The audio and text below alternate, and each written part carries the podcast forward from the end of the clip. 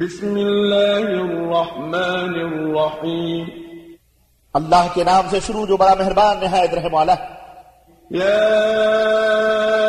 ایوہ المزمل قم اللیل الا قلیلا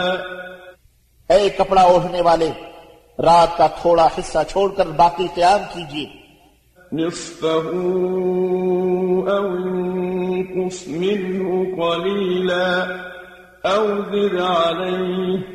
ورتل القرآن ترتيلا رات کا نصف حصہ یا اس سے کچھ کم کر لیجئے اس سے زیادہ کیجئے اور قرآن کو خوب ٹھہر ٹھہر کر پڑھا کیجئے إنا سنلقي عليك قولا ثقيلا یقیناً ہم آپ پر ایک بھاری کلام نازل کرنے والے ہیں الليل هي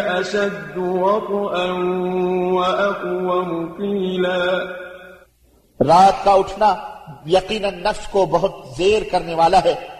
اور قرآن پڑھنے کے لیے یہی زیادہ موزوں وقت ہے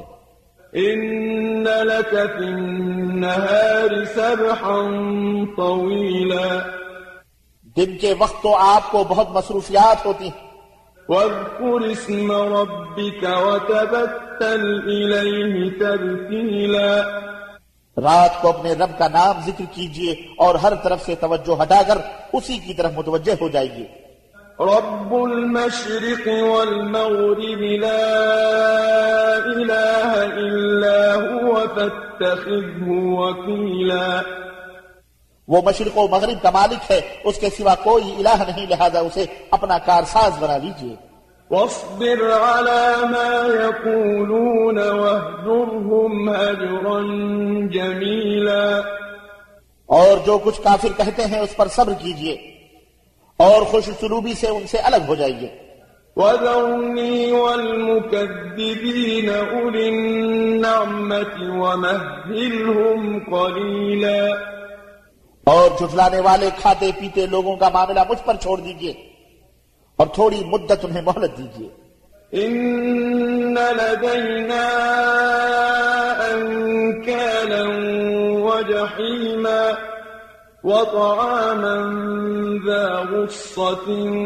وعذابا علیما ہمارے پاس بیڑیاں ہیں اور جہنم بھی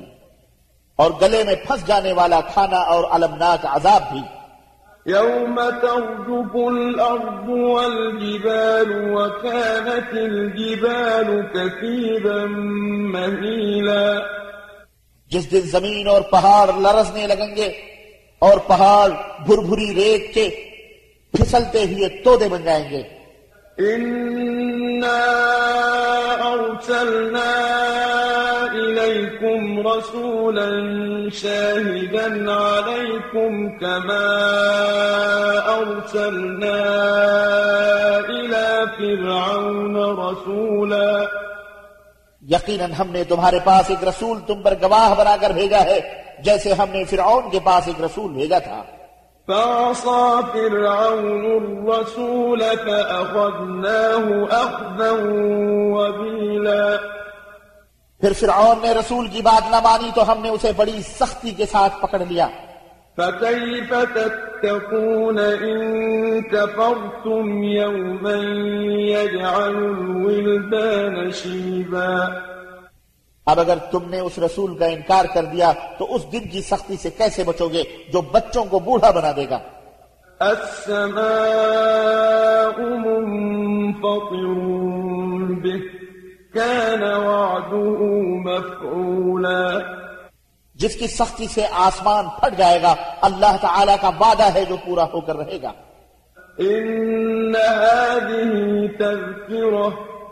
فمن شاء اتخذ الى سبيلا یقیناً یہ قرآن نصیحت ہے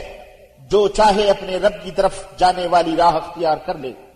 إن ربك يعلم أنك تقوم أدنى من ثلثي الليل ونصفه وثلثه وطائفة من الذين معك والله يقدر الليل والنهار علم أن لن تحب تخفوه فَتَابَ عَلَيْكُمْ فَاقْرَءُوا مَا تَيَسَّرَ مِنَ الْقُرْآنِ عَلِمَ أَن سَيَكُونُ مِنكُم مَّرْضَىٰ وَآخَرُونَ يَضْرِبُونَ فِي الْأَرْضِ يَبْتَغُونَ مِن فَضْلِ اللَّهِ وَآخَرُونَ يُقَاتِلُونَ فِي سَبِيلِ اللَّهِ فاقرؤوا ما تيسر منه وأقيموا الصلاة وآتوا الزكاة وأقرضوا الله قرضا حسنا وما تقدموا لأنفسكم من خير تجدوه عند الله هو خيرا وأعظم أجرا الله الله ان غفور رحيم آپ کا رب یقیناً جانتا ہے کہ آپ قریباً دو تہائی رات اور کبھی آدھی اور کبھی ایک تہائی رات نماز میں کھڑے ہوتے ہیں اور آپ کے ساتھیوں میں سے بھی ایک گروہ قیام کرتا ہے اور رات دن کو تو اللہ تعالیٰ ہی کم و بیش کرتا ہے اسے معلوم ہے کہ تم اوقات کا صحیح شمار نہ کر سکو گے لہذا تم پر مہربانی فرما دی لہذا اب جتنا قرآن آسانی سے پڑھ سکو پڑھ لیا کرو اسے معلوم ہے کہ تم میں سے کچھ بیمار ہوں گے کچھ دوسرے اللہ تعالیٰ کے فضل کی تلاش میں سفر کرتے ہیں اور کچھ دوسرے اللہ تعالیٰ کی راہ میں جہاد کرتے ہیں لہذا جتنا قرآن آسانی سے پڑھ سکو پڑھ لیا کرو اور نماز قائم کرو اور زکاط ادا کیا کرو اور اللہ کو اچھا قرض دیتے رہو اور جو کچھ بھی تم اپنے لیے آگے بھیجو گے تو اسے اللہ تعالیٰ کے ہاں اس حال میں پاؤ گے کہ وہ اصل عمل سے بہتر اور اجر کے لحاظ سے بہت زیادہ ہوگا اور اللہ تعالی سے معافی مانگتے رہو اللہ یقیناً بڑا بخشنے والا رحم کرنے والا ہے